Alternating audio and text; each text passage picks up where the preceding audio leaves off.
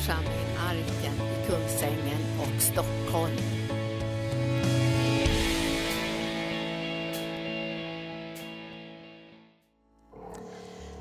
Tack lovsångare, vi älskar, we love, we love, we love your presence. Visst är det en härlig sång? Och vi proklamerar ut den för vi älskar verkligen Guds närvaro. Utan Guds närvaro blir verkligen det kristna livet väldigt tråkigt. Det blir lagiskt, det blir religiöst, det blir egna gärningar, det blir tristess, det blir tomhet. Men med Guds närvaro så möter vi Jesus och i den närvaron så säger Fadern att jag håller ingenting tillbaka. Av alla de löften jag har lagt i Jesus Kristus säger jag ja och amen till. Så välkomna ikväll. Jag blev verkligen gripen av den där lilla videon som vi såg nyligen här för en stund sedan med flickorna där i Kolkata. Jag kommer så väl ihåg när jag gick där på gatan i den där mörka, smutsiga stadsdelen och satte ner min fot och sa att här ska det bli ett flickhem.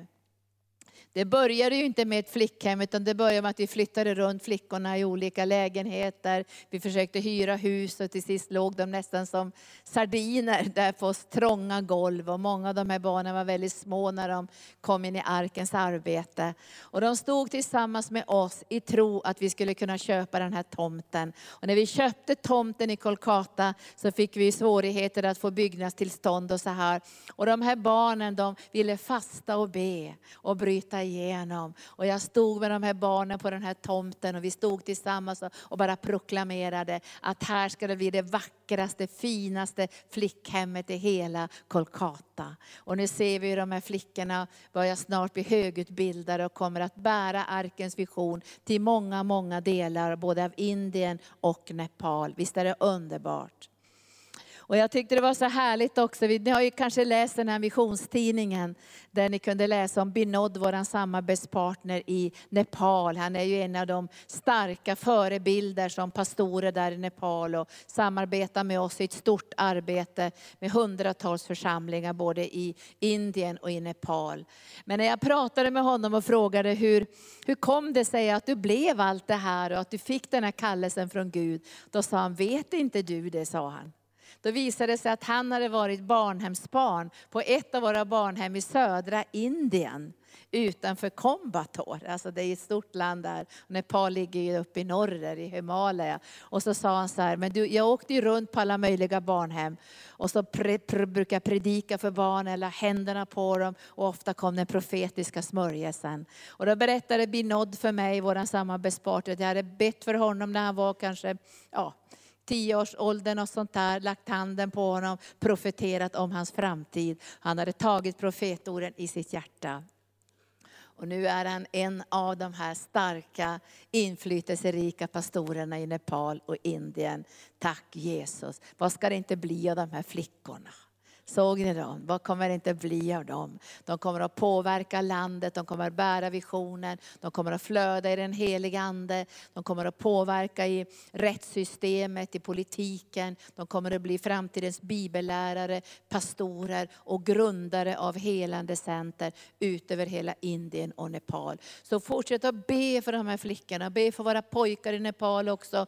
Vi har tusentals barn över hela över hela Asien kan man säga. Och vi har många barn också i Vitryssland. Vi har ett stort arbete i Vitryssland med församling, helande center. Och jag var ju nyligen och hade kampanj, det var, ja, det var inte nyligen, det var i december. Och det var väldigt välbesökt och det var en nationell konferens. Jag skulle tro att det var mellan 600 och 1000 människor på alla mötena. Och det var ett starkt genombrott av Guds ande. Och jag kommer ihåg att jag predikade, i hans närvaro finns det hela helande. I hans närvaro förvandlas våra liv. Vilken nåd att vi får tjäna Herren, är det inte det? Vilken nåd! Och nu när Inna ska flytta till Tyskland så är det jättemånga ryssar i Tyskland. Så vi tror vi kommer att få ett utrymme där och kunna predika i Tyskland. Och Inna kommer att resa mellan Tyskland och Minsk också och vara med och stödja församlingen och utrusta församlingen med det som hon kommer att få ännu mer av Gud. Så vi tackar Herren för allting underbart som Herren gör i enhet och härlighet och ett hjärta och en själ. Då blir det väldigt gott, eller hur? Förebedjarna kommer vi ha ikväll och de har fått handpåläggning och de är avskilda för att be just ikväll. Men de har ju bett också i torsdags. De har ropat till Gud, de bad i flera timmar här för den här konferensen. Och vi har en grupp som ber nu i ett rum här ute, som ber just för er. Är inte det härligt? Alltså de sitter här och ber, de vet ingenting om mötet. Men Gud kommer att säga till dem exakt vad de ska be för någonting. Men det som jag fick genom förebedjarna i torsdags då, det var vad det skulle bli för sorts ström som skulle komma från den helige Ande. Och, och, och jag kände att ja, men det här är precis det som jag tror Herren vill. Jag sa till medarbetarna här halv sex att vi tror på en stor glädje under de här dagarna. Jag ska låta, jag ska låta mina strömmar flöda ner, flöda fram, fick de när de bad i torsdags. Och jag ska återlösa dig, jag ska plantera dig som ett levande träd som har sina rötter rakt i mitt hjärta. Strömmar av levande vatten ska flöda. Jag ska välsigna er med evig kärlek och fröjd i Herren är eran styrka. Och vi kommer också om en stund att ta fram förebedjarna. Jag kommer att fråga dem och de har fått kunskapens ord eller visdomens ord. Så att ni bara ska få känna så här, Gud är här. Och han vet, det står till och med att han vet vad vi ska säga när vi tänker det. Så vet han det redan. Så nära är Gud. Och, och min förkunnelse ikväll, jag bara känt när Herren talade till mig så sa han att att veta om Gud är nära eller långt borta är avgörande för våra liv. Jag säger det igen, att veta om Gud är nära eller om han är långt borta. Alltså om man tänker på det, är Gud långt borta? Eller är han nära? Det kommer att vara avgörande för dig och mig, hur våra liv kommer att levas. För är han långt borta så lever vi våra liv på ett sätt. Är han nära så lever vi våra liv på ett annat sätt. Och det jag ska tala om ikväll är Gud är nära. Ett av de namn som han uppenbarar när han berättar vem han är. I gamla testamentet säger han, jag är Herren Shamma, Herren den närvarande. Och när Gud presenterar sig för farao genom Moses. För Moses har ju tänkt så här, vem, vem har sänt mig? Vad ska jag säga till farao när han frågar, vem har sänt dig? Då säger bara Gud till farao, säg till farao, säger, säger Gud till Moses, att det är jag är som har sänt dig. Jag är. Jag är har sänt dig. Herren den närvarande. Jag är. Och det här ska vi tala om ikväll. Det här Guds närhet. Att Gud är nära förändrar våra liv, vår inställning till livet. Det förändrar vår inställning till helande, vår inställning till Guds ledning. Det, det ändrar vår, vår liksom inställning till Guds omsorg. Och det ger oss en frid som ingen kan ta ifrån oss. Gud är nära. Ta in det i ditt hjärta, Gud är nära. Och det finns en sån längtan från Gud att komma oss nära. Och den längtan kan vi se i hela gamla testamentet, den här längtan från Guds folk. Vi vill komma dig nära. Men på grund av synden som fanns i den här världen så kunde Gud inte komma nära människan. Och då kommer ju alla helighetsregler. Och det står i gamla testamentet att elden på altaret fick aldrig slockna. Elden skulle brinna dag och natt inför Guds ansikte. Och du och jag är ett folk som är döpta i eld. Så det brinner varje minut, varje sekund, varje vecka, varje månad. Så brinner den helige Andes eld i ditt hjärta på grund av den helige Ande. Elden får aldrig någonsin slockna. Och sen la man bröd inför Guds ansikte som kallades ansiktsbröd eller närvarobröden. Och det skulle representera de tolv stammarna. Så låg de här bröden inför Guds ansikte ständigt, ständigt, ständigt. För Gud önskade den här närvaron. Och Israels barn längtar efter, vi måste få möta Gud, Herren den närvarande alla helighetsregler, alla offer som gång på gång på gång skulle offras för att Gud inte skulle dra sig undan. Men nu ska vi veta ikväll, i Jesus Kristus drar sig Gud aldrig undan. Och vi kan stå inför Guds ansikte utan skam, utan skuld, utan dåligt samvete, utan förkastelse, utan fördömelse i Jesus Kristus. Där bryts alla ok, där helas all ångest, all förtvivlan, plågarens stav. För Gud har lovat i Jesaja 9 att där ångest råder skall ett ljus tändas. Och det ska skina så klart så alla bojor, alla band, all bedrövelse, all besvikelse, allt av mörker måste brytas i det ljuset. Och det är därför som Johannes stöparen kan säga himmelriket är nära. Därför när Jesus kommer in i den här världen så är himmelriket här. Halleluja. Himmelriket är här genom Jesus Kristus. Och när du är i Jesus Kristus är du mitt i himmelrikets välsignelser. Och Gud ska öppna dina ögon ikväll så du kan gå ut i det här djupa vattnet och börja dricka från Guds närvaro och ta till dig allt det goda som är förberett för dig i Jesus Kristus. Och jag ska börja ikväll med att läsa ifrån, jag ska läsa ifrån fjärde Moseboken och jag ska läsa den här bönen.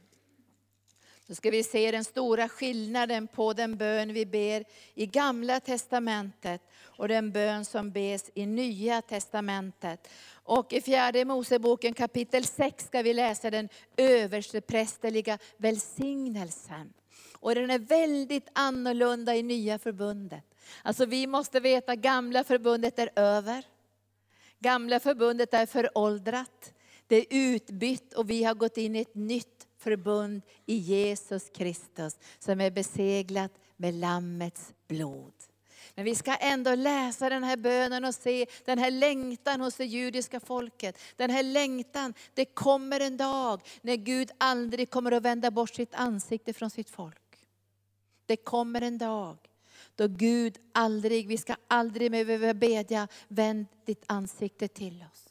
Kommer aldrig mer be den bönen, vänd ditt ansikte till oss. För Gud kan inte vända bort sitt ansikte i Jesus Kristus. Halleluja. Och jag läser ifrån fjärde Moseboken kapitel 6. Och Herren säger i 22 versen, han sa till Moses, säg till Aron och hans söner, när ni välsignar Israels barn ska ni säga till dem, Herren välsigne dig och bevara dig. Herren låter sitt ansikte lysa över dig och vara dig nådig. Herren vände sitt ansikte till dig och give dig frid.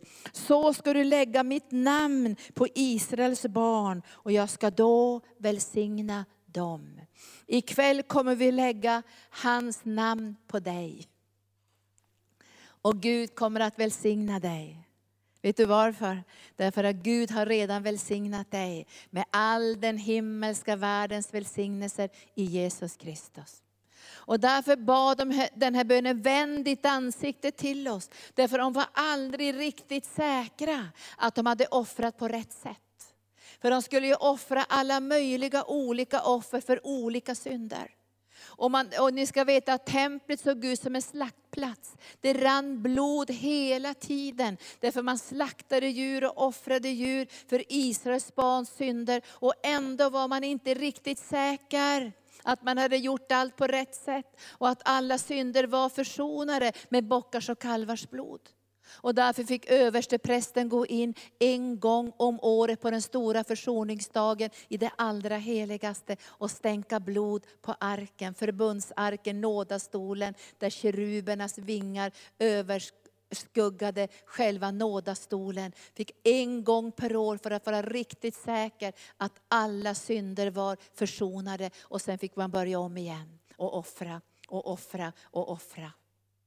Och så händer detta fantastiska, underbara som står i Hebreerbrevet 10. Att du, begär, du begärde inte de här offren av bockar och kalvar, utan Gud lät sin egen son offra sin egen kropp som ett offerlamm för alla synder i alla tider. Tack Jesus. Och hans blod överskyler inte bara synden, hans blod borttar synden. Och det betyder att Gud aldrig någonsin kommer att vända bort sitt ansikte när du kommer i Jesus Kristus. Här ber de bönen, Herre, Låt ditt ansikte lysa över oss och var det oss nådig. Herre, vänd ditt ansikte till oss. Vänd ditt ansikte till oss. Du behöver aldrig be den bönen, vänd ditt ansikte till oss. Utan vi ska be bönen, tack Jesus att ditt ansikte är vänt till oss. Och du kommer aldrig någonsin att vända bort ditt ansikte. För ditt blod har tagit bort all synd, allt som har hindrat oss att komma nära Gud. Tack Jesus. Och vi ska läsa i Salta salmen 16, den här längtan som finns hos det judiska folket. Och det här är en sång av David. Det är en så fantastisk psalm, där, salmen 16. Jag tycker att det är en av de vackraste psalmerna i hela Bibeln faktiskt, i hela Saltar. Alla de här salta salmerna. Men när David sjunger så här, bevara mig Gud, för jag flyr till dig. Jag säger till Herren, du är min Herre. Jag har inget gott utom dig. De heliga i landet, de härliga, hos dem har jag min glädje. De som jagar efter andra gudar får många sorger. Jag offrar inte deras dryckoffer av blod. Jag tar inte deras namn på mina läppar. Herren är min lott och min bägare. Du tryggar min arvedel. En ljuvlig lott har tillfallit mig. Hur underbart är inte arvet som jag har fått? Jag prisar Herren som ger mig råd, även om natten som manar mig mitt innersta. För jag har alltid Herren för ögonen. Han är vid min högra sida, jag vacklar inte. Därför gläds mitt hjärta och jublar min ära. Även min kropp får vila trygg. För du lämnar inte min själ åt dödsriket. Du låter inte din helige se förgängelsen. Du visar mig livets väg. Jag mättas av glädje inför ditt ansikte. Av ljuvlighet på din högra sida för evigt. Det här sjunger David och talar ut i gamla förbundet. Vilken längtan efter att vara nära Herren. Vilken längtan att få träda in inför hans ansikte. Och ändå visste David, jag är aldrig riktigt säker att jag har offrat nog.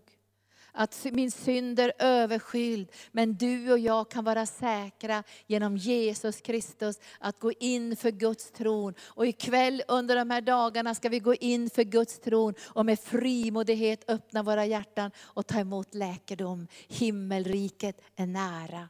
Och när Jesus sänder ut sina lärjungar säger han, gå ut och så predikar ni evangelium och så predikar ni och säger himmelriket är nära och så botar ni alla sjuka. För i Jesus Kristus, när vi använder det här namnet som är över alla andra namn, så är himmelriket här, närvarande genom Jesus Kristus. Det är därför du och jag kan vara väldigt frimodiga, för han har åstadkommit allt. Det som vi inte klarade av, det har Jesus åstadkommit. Och vi ska titta på i Efesierbrevet, jag har ganska många bibelställen men jag vill bara lägga det här på ditt hjärta. Där, där Herren säger i Efesierbrevet kapitel 2, så säger han så här i den trettonde versen. Men nu genom Kristus Jesus har ni som tidigare var långt borta kommit nära. Ni som tidigare var långt borta, ni har kommit nära. För i hela gamla testamentet så var folket långt borta från Gud. De kom inte så nära som de längtade efter att komma. För ingen kunde gå in i det allra heligaste utan att dö. Det var översteprästen en gång om året. Men när Jesus stod på Golgata kors, vad hände då? Hela förlåten brast uppifrån och ner. Så alla kan komma inför Gud och stanna inför Guds ansikte på grund av Jesus. Det här betyder att du har tillgång till hälsa, inte bara i en konferens eller i ett bönerum eller när du läser Bibeln eller ber med handpåläggning. Du har tillgång till hälsan genom Jesus Kristus ständigt på grund av att du kan stå inför Guds ansikte utan att dö på grund av Jesus. Ska vi ge Jesus en applåd? Tack Jesus! Halleluja, tack Jesus! För det står, han är vår frid. Han som har gjort de två till ett och rivit skiljemuren. I sin kropp har han satt lagen ur kraft med dess bud och stadgar för att själv göra dem båda till en enda ny människa och så skapa frid.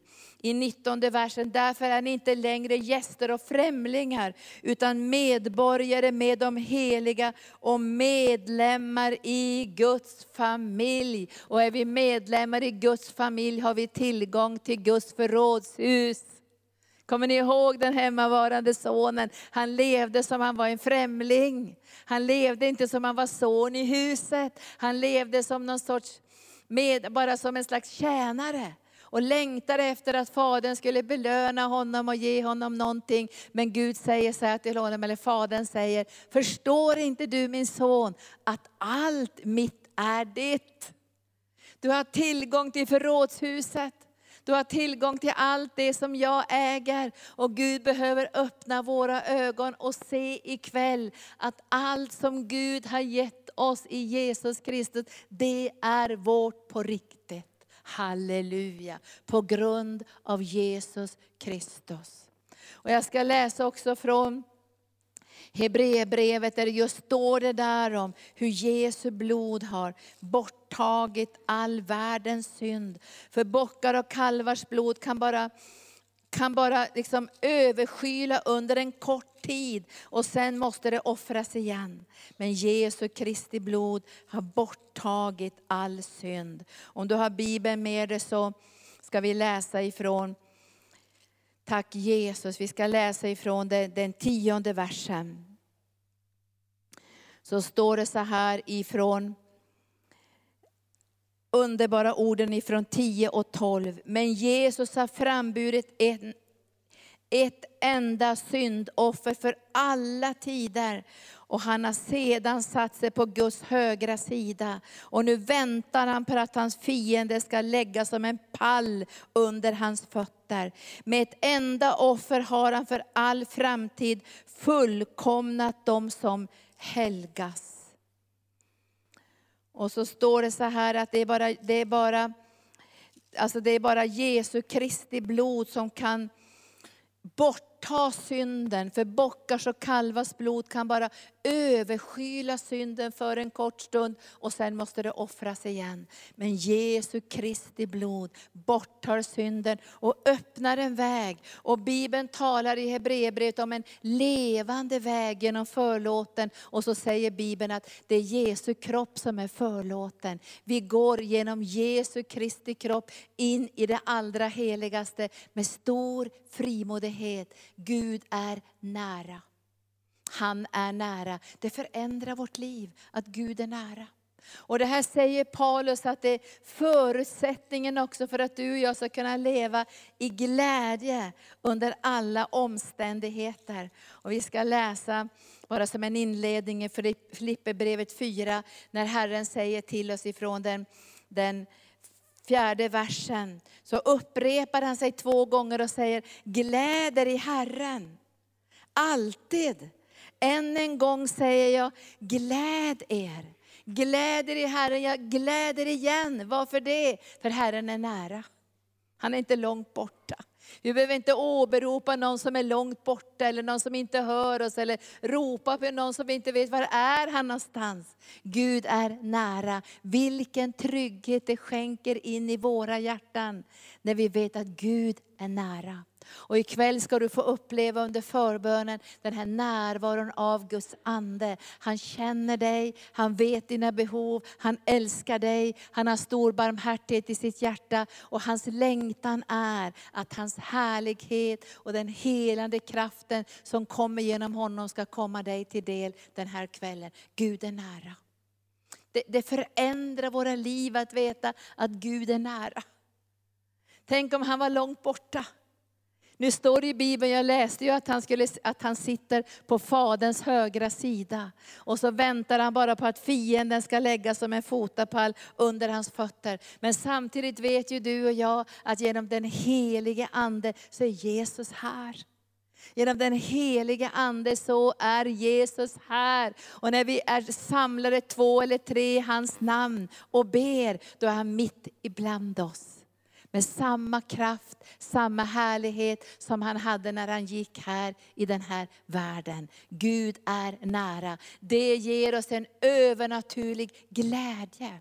Det ger oss hopp för framtiden, det ger oss hopp för nuet och det ger oss hopp för det förflutna. För Gud är mäktig att gå in i ditt förflutna. Ibland hör man läkare tala om posttraumatisk stress. Det betyder att saker som har hänt kanske för flera år sedan fortsätter att verka i ditt liv. Och det kan skapa stress men det kan också skapa ångest, hjärntrötthet. Det kan skapa utbrändhet och det kan skapa sjukdomssymptom. Men den helige Ande känner till allt det där som du och jag har gått igenom. För han är densamma igår idag och i all evighet. Och när vi ber att den helige Ande ska peka på saker som har skett i det förflutna, så pekar inte han bara på det och beskriver det och säger det här har du upplevt. Han helar det också. Så varje gång det kommer ett kunskapens ord eller en uppenbarelsens gåva, då är Gud där för att hela. Så det är inte bara därför att berätta att det här har du gått igenom, de här svårigheterna du har haft. Utan när du hör Jesus säga det in i ditt liv, då ska du veta att i samma ögonblick så kommer den helige Ande med läkande kraft att flöda in i ditt liv. Tack Jesus. Gläder, gläder. Än en gång måste jag säga till er, gläder. Låt alla människor se hur vänliga ni är. Herren är nära. När du och jag får uppenbarelse om att Gud är nära, så släpper ofriden, så släpper oron, så släpper stressen, så släpper allt det här med prestation och, och kamp i våra liv. Det händer någonting när du och jag vet att Gud är nära. Vi slutar bekymra oss. Det händer något i våra hjärtan. Och därför behöver vi be varje dag, heliga Ande, uppenbara för mig att Jesus är nära. Då har vi tillgång till alla resurser, till övernaturlig kraft, till helande, till heliga Andes gåvor. Det, det, det, är, det blir skillnad på våra liv, hur vi tänker. Är Gud långt borta eller är han nära? Måste vi ropa på honom. Kommer ni ihåg Elia brukar reta Balsprofeterna? För de ropar ju till Bal. När Elia hade byggt det här altaret med de här stenarna. Och Balsprofeten hade byggt sitt altare och man hade slaktat oxen och lagt den på de båda altarna. Och så började Balsprofeten att åkalla sin Gud. Kommer ni ihåg det? De ropade och de skrek och de ropade och de skrek och de ropade igen. Och till sist började Elia reta dem och säga, kanske han åkt på semester. Han kanske mediterar, han kanske vilar sig, men han kanske har gått på avträde på toaletten. Och de blir alldeles vilda så de ristar sig så blodet rinner, de är Balsprofeterna. De ropar och skriker hela dagen. Men när Elia ber en enda kort bön, visa vem du är, så faller Guds eld på altarplatsen. För Gud är nära. Och han var inte lika nära i det gamla förbundet. Men hur nära kan han komma nu i det nya förbundet? Han kan inte komma närmare än han är nära dig ikväll. Därför du som har tagit emot Jesus, du har Jesus på insidan. Kan han komma närmare än han har kommit in i ditt liv. Han har flyttat in i din ande genom den helige ande och gjort ditt innersta till en boningsplats. Kan han komma närmare? Det går inte att komma närmare. Men du och jag måste få uppenbarelse om att han är nära. Det förändrar våra liv. Och det förändrar vårt böneliv. Därför när vi åkallar hans namn, då ropar inte vi till en Gud som är långt borta. Vi talar med honom som bor i våra hjärtan med förväntan. Och jag har läst för bibelskolan häromdagen, så läste jag till eleverna Hebreerbrevet kapitel 11, versen 6. När Gud talar om tro. Han talar om tro och så säger han så här, ni, ni kan behaga mig om ni har tro. Men om ni inte har tro kan ni inte behaga mig. Och jag tänkte, tänk om jag inte har tro så jag kunde behaga Gud. Men när jag läste så såg jag att Gud ville bara två saker av mig. Två enkla saker. Och den första saken han säger, ni måste tro att jag existerar. Det var det första. Och så måste ni tro att jag belönar dem som söker mig. Det var en lätt tro, eller hur? Vi tror att Gud existerar. Men du och jag tror inte bara att Gud existerar. Vi tror att Gud älskar oss. Vi tror att han har omsorg om oss. Vi tror att han har dött för oss. Vi tror att det finns helande i hans händer. Vi tror inte bara på att Gud existerar, vi är jätterädda, tänk om han kommer att bli arg på oss. Vi tror Gud är på vår sida. Emanuel, han är för oss, han älskar oss, han är med oss. Han finns till och sen står det i Hebreerbrevet 11 och 6 att han ska belöna dem som söker honom. Han ska löna dem som söker honom. Och därför förväntar oss du och jag ikväll att när vi ber till honom efter hans vilja så hör han oss. Och han ger oss allting som vi ber om innan vi ens har sett det. Sån Gud har vi i Jesus Kristus och det ger oss en så otroligt stor frimodighet att be och begära. Be och begär, säger Jesus, och ni ska få det. För Gud är nära. Det förändrar våra liv. Det förvandlar vårt böneliv. Det förändrar vårt sätt att leva. Att tänka, Gud är nära. Och då säger Paulus så här till vännerna i Filippi, så säger han i sjätte versen, bekymra inte för någonting. Bekymra er inte för någonting. Därför bekymmer kommer ju av att Gud kanske inte griper in. Gud är långt borta, Gud bryr sig inte. Men om Gud är nära, och han älskar dig, har omsorg om dig, står på din sida. Han sagt ja, amen till alla sina löften i Jesus Kristus och har välsignat dig med all den himmelska världens välsignelser. Då behöver du inte bekymra dig. Men jag vet ju att vi bekymrar oss ibland därför att vi har ingen uppenbarelse hur nära Gud är. För om vi skulle tänka Gud är nära, då förändras våra liv. Och jag tror de här dagarna ska den heliga Ande uppenbara för dig och mig hur nära Gud är, hur villig Gud är, hur mycket Gud älskar oss. Så vi med frimodighet kan komma till nådens tron och hämta ut det som Gud redan har gett oss i Jesus Kristus. Och du kommer inte som en tiggare. Du kommer inte som en tiggare och säger, gode Gud ge mig det här, men jag vet inte om du vill, om du vill ge det till mig. Kommer ni ihåg den här blinde mannen? Eller spetälske mannen säger han så här. Jag vet att du kan, men jag vet inte om du vill. Jag vet att du kan, men jag vet inte om du vill. Och kanske tänkte han, jag kanske inte har gjort alla offren, jag kanske inte har försonat alla synder genom offergåvor, så jag är inte säker på att Jesus vill. Men Jesus han manifesterar nytestamentlig kristendom och så säger han, jag vill. Och så lägger han handen på den spetälske mannen och han blir fullständigt helad. Och jag kan höra Jesus säga ikväll, jag vill. Jag vill. Vi hör honom säga, jag vill. Det här gör att vårt böneliv blir annorlunda. Vi ändrar från bekymmer till önskningar. Och det var, jag tänkte för en del år sedan, det är väldigt skillnad på ett böneliv som utgår ifrån bekymmer och ett böneliv som utgår ifrån önskningar. Därför den som ber utifrån önskningar, han känner Guds löften. Visst är det så? Det är skillnad. När man ber utifrån bekymmer så får man ösa ur en mörk källa.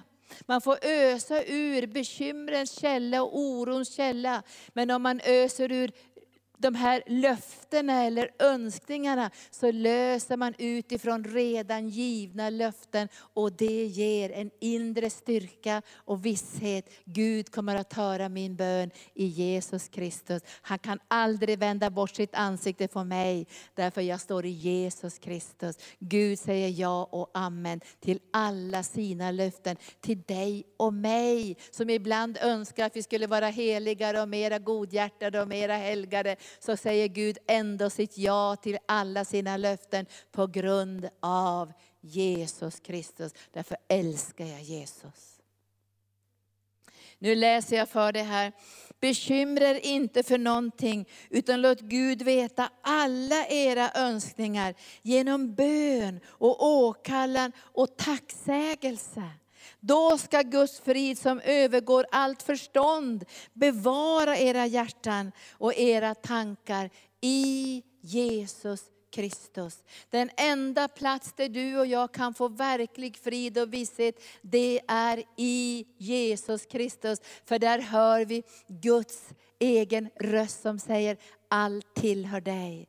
Allt ska komma till dig. Jag har sagt ja till allt som finns i min son. Låt all fruktan försvinna, låt alla bekymmer rinna av dig. Kom till nådens tron och hämta hjälp i den rätta tiden. Nu ska vi avsluta ikväll och läsa en, en text ifrån, ifrån Lukas evangelium kapitel 7. Och här kan vi tydligt se hur Jesus vet att Gud är nära. Och hur den här officeraren också vet att Gud är nära. Att han är inte långt borta. Att Jesus har en sån kärleksrelation med Gud, att han har direktkontakt med himlen. Att Jesus behöver inte be jätte, jättelånga vädjande böner för att få bönesvar. Och den här officeraren säger, säg bara ett enda ord. Det räcker med ett enda ord, så kommer min tjänare att bli frisk. Ett enda ord. Jag ska läsa den här en fantastisk bibelberättelse som liksom lyfter fram det här. Hur, hur de ser att Jesus lever så nära Gud. I en sån trygghet, i en sån visshet, i en sån överlåtelse. Så de vet att om Jesus ber om någonting så kommer de att få det. Om de bara rör vid hans mantel så kommer Guds kraft att flöda. Att Jesus som kan stå vid en, en, en, en bår där en, en, en mamma bär ut sin döde son. Och när Jesus bara ser det här sorgetåget så, så bara berör han den här pojken och han får omedelbart liv igen. Det här tycker jag är Guds närvaro. Jesus bara vet att om han bara säger någonting, ber någonting, så är Gud där med sin kraft det är närvaro. Och jag tror inte att Gud har ändrat sig. När vi använder namnet Jesus, när vi står inför Guds ansikte, när vi är frimodiga på grund av Jesus. Vår frimodighet kommer inte av oss själva, vår frimodighet kommer genom Jesus. Bara genom Jesus har vi frimodigheten. Och den här berättelsen, det står, jag ska läsa bara lite från den här, så står det, att när Jesus hade hållit hela sitt tal till folket som lyssnade, gick han in i Kapernaum. En officer hade en tjänare som var sjuk och döende. Han uppskattade tjänaren mycket. Och när han fick höra att Jesus när han fick höra om Jesus så sände han några av judarnas äldste till honom och bad honom komma och rädda hans tjänare. Och de kom till Jesus och bad så ivrigt. Han är värd att du gör det för honom. Han älskar vårt folk och det är han som har byggt upp synagogan åt oss. Och de vädjar till olika gärningar. Det här har ju han gjort. Då. Han har byggt upp synagogan. Och att han är värd att du gör det här för, för honom. Men jag vill säga till dig ikväll, det är inte så du och jag närmar oss Gud. Vi vädjar inte för dig ikväll och säger, men Kalle har varit snäll och Lena har varit snäll och, och hon har gett pengar till församlingen och varit med och byggt upp barnhem i Indien. Vi ber inte sådana böner, vi säger, vi kommer bara på grund av Jesus. Bara på grund av Jesus, på grund av Jesu blod. Men här lever de kvar i de egna gärningarna. Han har gjort så mycket gott, han har gjort så mycket gott. Men den officeraren känner jag, allt det här goda som jag har gjort, det räcker ju inte. När han ser Jesus och känner Guds närvaro och tänker, det här räcker inte. Allt det jag har gjort, jag är inte värdig. Att han kommer in ens under mitt tak. Och när du och jag möter Jesus kan vi slås mot den där känslan, men jag är ju inte värdig. Du vet att Jesus dog för oss medan vi ännu var syndare. Och genom sitt blod har han gett oss sin värdighet sin härlighet och sin närvaro. Och det ger oss frimodighet att börja ta emot ifrån Gud. Gud har gjort dig värdig. Och du behöver inte vädja med goda gärningar eller saker du har gjort för att bli helad. Och ibland möter man ju människor som är döende och så här som säger, och jag lovar att bli en bättre kristen om du botar mig. Och jag lovar att ge pengar till missionen om du botar mig. Men du och jag ska inte vädja på det sättet, utan vi går genom Jesus Kristus. Och där har Gud sagt sitt ja till alla sina löften för dig. Känner du hans närvaro? Vilken kärlek. Och när den här officeraren möter Jesus så säger han så här, Jesus gick med dem, han följde de här judarna. Och så står det, de var nästan framme vid huset när officeraren skickade några vänner och lät hälsa honom. Herre, gör dig inte besvär. Jag är inte värd att du går in under mitt tak. Detta, det, därför tyckte jag mig inte heller värdig att komma till dig. Men säg ett ord så blir min tjänare frisk. Och här kommer hälsningen. Jag är själv en man som står under befäl. Och jag har soldater under mig. Säger jag till en så gå, så går han. Och till en annan, kom så kommer han. Och till min tjänare, gör det här, så gör han det. Och då förstår ju Jesus att den här officeren har förstått att Jesus har en kärleksrelation med Gud. Att om Jesus säger kom, så gensvarar himlen. Om Jesus säger gå, så gensvarar himlen. Det var därför som Jesus kunde kasta ut demoner. Det var därför som Jesus kunde bota de sjuka. För Jesus var förenad med himlen. Himmelriket är här. Och när du har tagit emot Jesus Kristus som din Herre, så har du himmelriket på insidan. Och ingenting kommer att hindras när du vänder dig till Gud i Jesus Kristus. Och det står här att Jesus säger så här, när Jesus fick höra detta blev han förundrad över honom. Och han vände sig till folket som följde honom och sa, jag säger er, inte ens i Israel har jag funnit en sån stark tro. Och de som skickades ut återvände hem och fann tjänaren frisk. Vad gjorde Jesus då? Jag tror han sände ett ord. Han sände bara ett ord. Och Guds ande vilade över det ordet, träffade den här tjänaren som blev omedelbart helad. För Jesus visste att Gud skulle ge honom allt vad han bad om. För han hade den här relationen med Gud. För i Jesus fanns det ingen synd. Därför var vägen öppen till Guds hjärta. Och Jesus representerade oss här i den här världen. Och när han dog på Golgata kors, han som rättfärdig Guds lamm tog våra synder. Bara för att du och jag skulle få hans rättfärdighet. Så du och jag med frimodighet kan komma inför Gud och be och begära och veta, det finns inga hinder från Guds sida. Från Guds sida finns det inga hinder. Tänk på det ikväll. Det finns inga hinder från Guds sida. Det finns inte men och ja, eller jag vet inte, du har inte varit snäll nog. Från Guds sida finns bara ja och amen på grund av Jesus Kristus. Det här kommer att ge dig en frid som övergår allt förstånd. Det här kommer att ge dig en trons vila som gör att du inte längre blir orosbönerna som styr ditt liv, utan det blir önskebönerna som har sina rötter och sitt fäste i alla Guds löften. Och det är glädjen, hoppet kan börja spira på grund av Jesu Kristi gärning. Tack Jesus, ett enda ord. Jag kan se hur han sände det här ordet med sån kraft att det träffade den här mannen till ett fullständigt helande. Skulle inte hans ord ha samma kraft ikväll när vi ber för dig och flödar i den heliga Ande och sänder ord in i ditt hjärta. Då kommer himlen och gensvara och säga amen, amen, amen. När vi nämner Jesu ord och Jesu löfte, då är Guds ande där. För det finns inget hinder från Guds sida inget hinder från Guds sida. Finns det något hinder så kan det vara från vår sida. Inte från Guds sida. Ibland ser jag människor, Gud har öppnat hela sitt fönster, men vi stänger vårt fönster. Hur kan vi stänga vårt fönster? Jo, genom att vi inte förlåter kan vi stänga vårt eget fönster. Fast Gud har öppet fönster, så kan du och jag stänga våra fönster och stänga våra dörrar, så Gud inte når in i vårt liv. Och därför är det så jätteviktigt att vi förlåter människor deras synder. Att vi efterskänker i namnet Jesus, så att från vår sida så öppnar vi fönstret mot Gud. Och sen när vi tittar mot himlen så har aldrig Gud någonsin stängt fönstret. För det har öppnats en gång i Jesus Kristus och det kommer aldrig mer att stängas. Så du och jag står inför ett öppet fönster. Jesus säger så här, jag har aldrig funnit så här stark tro. Så här stark tro. Och nu ska vi läsa jag avslutar här och läser från Hebreerbrevet som jag redan citerade, men jag vill att du ska få se det här ikväll från Hebreerbrevet kapitel 10 om tro. Tro är inte press, tro är inte stress. Tro är inte att lyfta sig själv i håret och säga jag tror, jag tror, jag tror.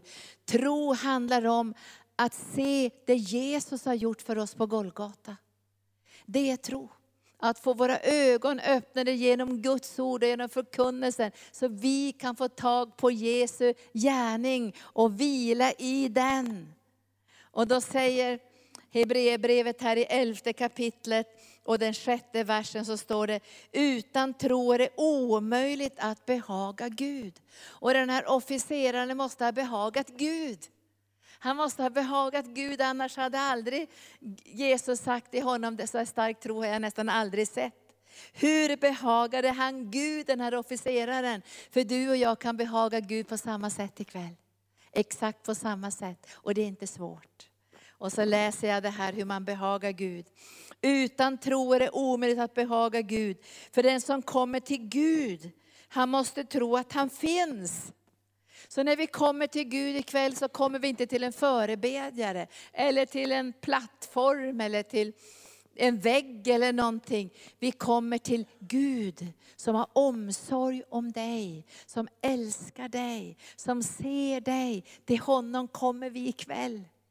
Till honom kommer vi. Den levande guden. Och det är därför det är så spännande att be ikväll. Därför Gud kommer att höra allt vi ber. Och han kommer inte hindra något i ditt liv, det bara han kommer att ge dig det. Och så står det så här, och sen måste vi tro att han lönar dem som söker honom. Och ikväll söker vi honom och han är inte långt borta. Vi söker hans ansikte för att se honom som han är. Och när vi ser honom som han är, då får vi den här djupa vilan på insidan. För djupt i vårt hjärta så vet vi, han älskar oss. Så ska vi be förebedjarna komma fram nu och ställa sig här och lovsångarna ska börja flöda i den heliga Ande. Och vi ska be Gud uppenbara, Gud är här. Han är här ikväll. Och jag tror det som Herren vill göra ikväll, det är att han vill föra dig inför hans ansikte. Och han vill liksom ta bort all fördömelse, all förkastelse, all rädsla. Och han vill också hela posttraumatisk stress. Han vill hela minnen upplevelser. Han vill hela sår som ligger tillbaka i det förflutna. För tänk vad många som bär på ångest, vet ni det? Som söker i usla källor och de vet inte ens vars ångesten kommer ifrån. För att när pressen kommer så kommer ångesten upp. Och ångesten kan ha legat där 20 år tillbaka. Men när pressen kommer från arbetslivet, från människor, kanske från världen. Då kommer ångesten upp och börjar manifestera sig. Men Jesus vet varenda port, varenda öppning, varenda rot, var allt som har skett i ditt liv. Och ikväll kommer han att hela det i sin närvaro, i sin kärlek så kommer han att beröra ditt liv och du ska bara säga tack Jesus. Jag står inför ditt ansikte och jag tar emot ifrån dig och jag känner din kärlek och jag vet att du är nära. Det förändrar mitt liv. Jag ropar inte till en Gud som är långt borta, till kosmos eller alltet eller till någon Gud som jag inte känner. Utan jag har lärt känna dig Fader genom Jesus Kristus. För den som har sett Jesus, han har sett Fadern. Och den som har sett Jesu gärningar har sett Faderns gärningar. För Jesus kan inte göra någonting annat än det han ser Fadern göra. Och ikväll är det så lätt för oss Jesus. Vi vet att du är här ikväll. Och vi vet att du belönar dem som söker dig. Och ikväll söker vi dig. Och när vi söker dig så vet vi att du är inte är långt borta, du är nära. Och därför kommer vi att känna ikväll en sån glädje i våra hjärtan, en sån förväntan, en sån fröjd på insidan. För vi vet att vad helst vi ber om, det kommer vi att få.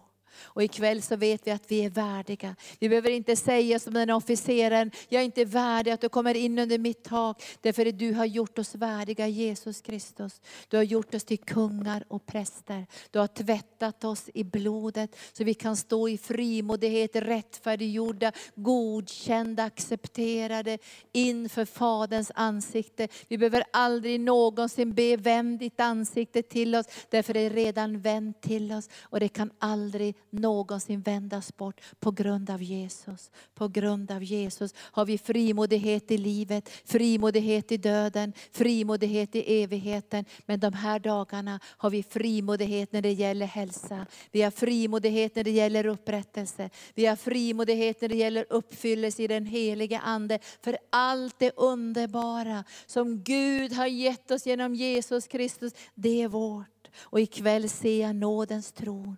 Vi går in i det allra heligaste. Jag ser seraferna, keruberna som har tagit sina vingar och de vilar över nådastolen. Och jag ser inte bockars och kalvars blod, jag ser Jesu Kristi blod. Offrat en gång för alla, för all världens synd. Och vägen är öppen, den är inte stängd. Vägen har inga hinder, den är öppen genom Jesus Kristus. Och ikväll går vi inför nådens tron med sån tacksägelse. Tack Jesus. Halleluja.